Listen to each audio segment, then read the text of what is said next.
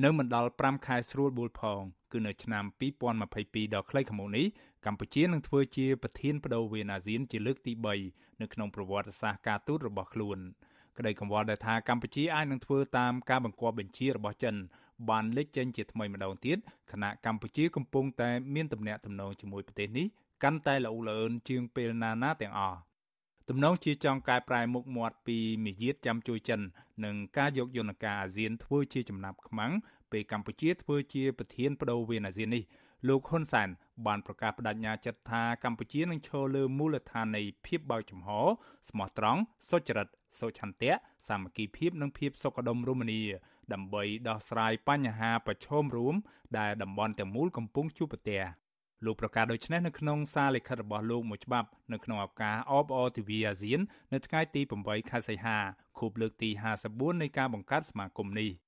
លោកហ៊ុនសែនមិនភ្លេចរំលឹកឡើងពីគោលការណ៍មិនជ្រៀតជ្រែកកិច្ចការផ្ទៃក្នុង ដែលប្រទេសសមាជិកអាស៊ានទាំងអស់បានលើកស្ទួយតាំងពីឆ្នាំ1967មកនិងគោលការណ៍កុងសុងស៊ីសដែលលោកអះអាងថានឹងនៅតែបន្តជាគោលការណ៍មាគ៌ាជាមូលដ្ឋានសម្រាប់ដំណើរការកសាងសហគមន៍អាស៊ាននេះទៅមុខទៀត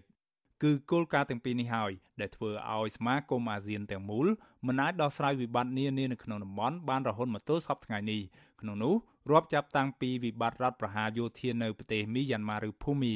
វិបត្តិរំលាយប្រជាធិបតេយ្យនិងរំលោភសិទ្ធិមនុស្សធ្ងន់ធ្ងរនៅកម្ពុជាខ្លួនឯងផងរួមទាំងវិបត្តិចំនួនដណ្ដើមអធិបតេយ្យនៅលើប្រជុំកោះនៅតំបន់សមុទ្រចិនខាងត្បូងផងម្យ៉ាងវិញទៀត គឺគោលការណ៍សម្រាប់ចិត្តផ្អែកលើមតិជាឯកច្ឆន្ទឬកុងសង្ស៊ីសនេះហើយដែលកម្ពុជាធ្លាប់យកមកប្រើធ្វើជាចំណុចខ្ទាស់យកអាស៊ានទាំងមូលធ្វើជាចំណាប់ខ្មាំងមិនឲ្យចេញសេចក្តីថ្លែងការណ៍រួមថ្កោលទោសប្រទេសចិនបាន កាលពីឆ្នាំ2012និងឆ្នាំ2016កន្លងទៅ ការការពារផលប្រយោជន៍ចិននៅពេលដែលកម្ពុជាធ្វើជាប្រធានបដូវវេនអាស៊ាននេះបានធ្វើឲ្យស្ថាប័នអាស៊ានទាំងមូលទទួលរងនឹងការបរាជ័យដ៏អាម៉ាស់មួយមិនធ្លាប់មានពីមុនមកនៅក្នុងប្រវត្តិសាស្ត្រកន្លះសតវត្សរបស់អាស៊ានមន្ត្រីការទូតកម្ពុជាក៏រងការរិះគន់ថាបានលួចផ្ដោតសេចក្តីព្រៀងនៃសេចក្តីថ្លែងការណ៍រួមឲ្យប្រទេសចិនដែលជាចៅហ្វាយនីរបស់ខ្លួនត្រួតពិនិត្យមើលជាមុនសិនមុននឹងដាក់ឲ្យប្រទេសសមាជិកអាស៊ានអនុម័ត អ្នកសិក្សាស្រាវជ្រាវបញ្ហាសង្គមនិងនយោបាយបណ្ឌិតសេងសេរីមិនសង្ឃឹមថាកម្ពុជានឹងបោះបង់ចោលមាយាទចាំជួយចិននេះទេ នៅពេលដែលខ្លួនធ្វើជាប្រធានបដូវវេនអាស៊ាននៅឆ្នាំក្រោយនេះលោកគិតថាស្ថានភាពដែលកម្ពុជាយកអាស៊ានធ្វើជាចំណាប់ខ្មាំងឲ្យប្រទេសចិននេះនឹងរឹតតែអាក្រក់ជាងលើកមុនមុនទៅទៀតយើងសង្កេតឃើញថាទៅចាប់ចិនហ្នឹងចាប់ចិនដោយសារតែផលប្រយោជន៍បុគ្គលដោយសារផលប្រយោជន៍ក្រុមបាក់ពួកខ្លួនដូច្នេះយើងឃើញថា ប្រហែលជាលើកនេះឆ្នាំ2022នេះនៅពេលដែលកម្ពុជាខ្លាយទៅជាប្រធានបដូវវេនហ្នឹងខ្ញុំគិតថាស្ថានភាពកម្ពុជាជាប្រធានហ្នឹងកាន់តែកាន់តែអាក្រក់ជាងមុនដោយសារតែយើងឃើញថាជំហររដ្ឋាភិបាលក្នុងឆ្នាំ2021 2021នេះគឺប្រកាសក្តែងក្តែងថាបើមិនឲ្យពឹងចិនទៅពឹងអ្នកណា អញ្ចឹងស្ថានភាពប្រកាសជាកម្ពុជាយកឱកាសហ្នឹងនៅក្នុងការបង្ហាញជំហរមួយដែលធ្វើឲ្យសហគមន៍អឺរ៉ុបក៏ដូចជាសហរដ្ឋអាមេរិកមិនសប្បាយចិត្តទៅលើបញ្ហាហ្នឹងបាទ បណ្ឌិតសេងសេរីក៏មិនរំពឹងដែរថាកម្ពុជាអាចចូលរួមដោះស្រាយបញ្ហានៅក្នុងតំបន់បាននោះទេ នៅក្នុងពេលដែលបញ្ហាវិបត្តិនយោបាយនៅក្នុងប្រទេសខ្លួនឯងកម្ពុជាក៏នៅមិនទាន់អាចដោះស្រាយបានផងនោះវិធីសាស្ត្ររបស់រដ្ឋាភិបាលមួយនេះគឺខ្ញុំគិតថានៅនៅពេលដែលខ្លួនខ្លាយទៅជាប្រធានប្រវេនអាស៊ានហ្នឹងគឺគ្មានអីត្រូវក្រៅតែពីការដោះសារការបកស្រាយទេ ការយល់លេសនេះលេសនោះ មាន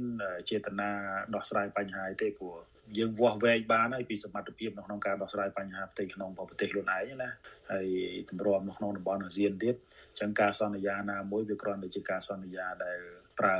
លេសរបៀបជាអ្នកដោះសារជាជាអ្នកបកស្រាយទេមិនមែនជាអ្នកដែលជាអ្នកដោះស្រាយនិយមទេបាទវិសុវអសីស្រីមិនអាចតាក់ទងแนะនាំពាក្យក្រសួងការបរទេសលោកកុយគួងដើម្បីសូមអធិប្បាយជុំវិញរឿងនេះបាននៅឡើយទេដោយសារតែលោកពុំលើកទូរស័ព្ទកាលពីល្ងាចថ្ងៃទី8ខែសីហា ទោះយ៉ាងណាលោកហ៊ុនសែនថ្លែងក្នុងសារលិខិតរបស់លោកទទួលស្គាល់ពីឧបសគ្គដែលអាស៊ានកំពុងប្រឈមនាពេលបច្ចុប្បន្ននេះឧបសគ្គទាំងនោះមានដូចជាវិបត្តិជំងឺរាតត្បាតសកល COVID-19 កំណើននៃការប្រកួតប្រជែងផ្នែកភូមិសាស្ត្រនយោបាយនិងការប្រឈមមុខដាក់គ្នារវាងប្រទេសមហាអំណាចដែលបានរីករាលដាលទៅជាសង្គ្រាមពាណិជ្ជកម្មនិងបច្ចេកវិទ្យាក្រៅពីនេះតំបន់អាស៊ានទាំងមូលក៏ប្រឈមនឹងបញ្ហាការប្រែប្រួលអាកាសធាតុ ការបំផ្លិចបំផ្លាញបរិស្ថាន និងឧក្រិដ្ឋកម្មឆ្លងដែនជាដើមលោកហ៊ុនសែនថាដើម្បីជំនះនៅនិន្នាការភូមិសាស្ត្រនយោបាយអវិជ្ជមានទាំងនេះកម្ពុជាបដិញ្ញាចិត្តលើកកម្ពស់របៀបវរៈដែលលោកថានឹងជំរុញស្មារតីសហប្រតិបត្តិការនិងការគ្រប់គ្រងដល់មជ្ឈភាពអាស៊ានភាពស្ងប់ខ្សែមខ្សាន និងវឌ្ឍនភាពនៅក្នុងតំបន់ អាស៊ានត្រូវបានបង្កើតឡើងជាលើកដំបូងកាលពីថ្ងៃទី8ខែសីហាឆ្នាំ1967នៅទីក្រុងបាងកកប្រទេសថៃ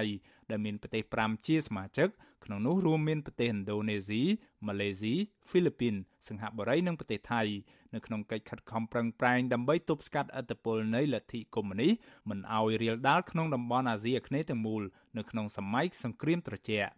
កម្ពុជាបានចូលជាសមាជិកអាស៊ាននៅថ្ងៃទី30ខែមេសាឆ្នាំ1999ហើយក្រោយមកទៀតមានឱកាសដឹកនាំធ្វើជាប្រធានបដូវវេនអាស៊ានជាលើកដំបូងនៅឆ្នាំ2002លើកទី2នៅឆ្នាំ2012និងលើកទី3នៅឆ្នាំ2022ខាងមុខនេះចំទិវាអាស៊ាននេះដែរស្ថានទូតសហរដ្ឋអាមេរិកប្រចាំកម្ពុជាបានសរសេរសារនៅលើទំព័រ Facebook របស់ខ្លួនថា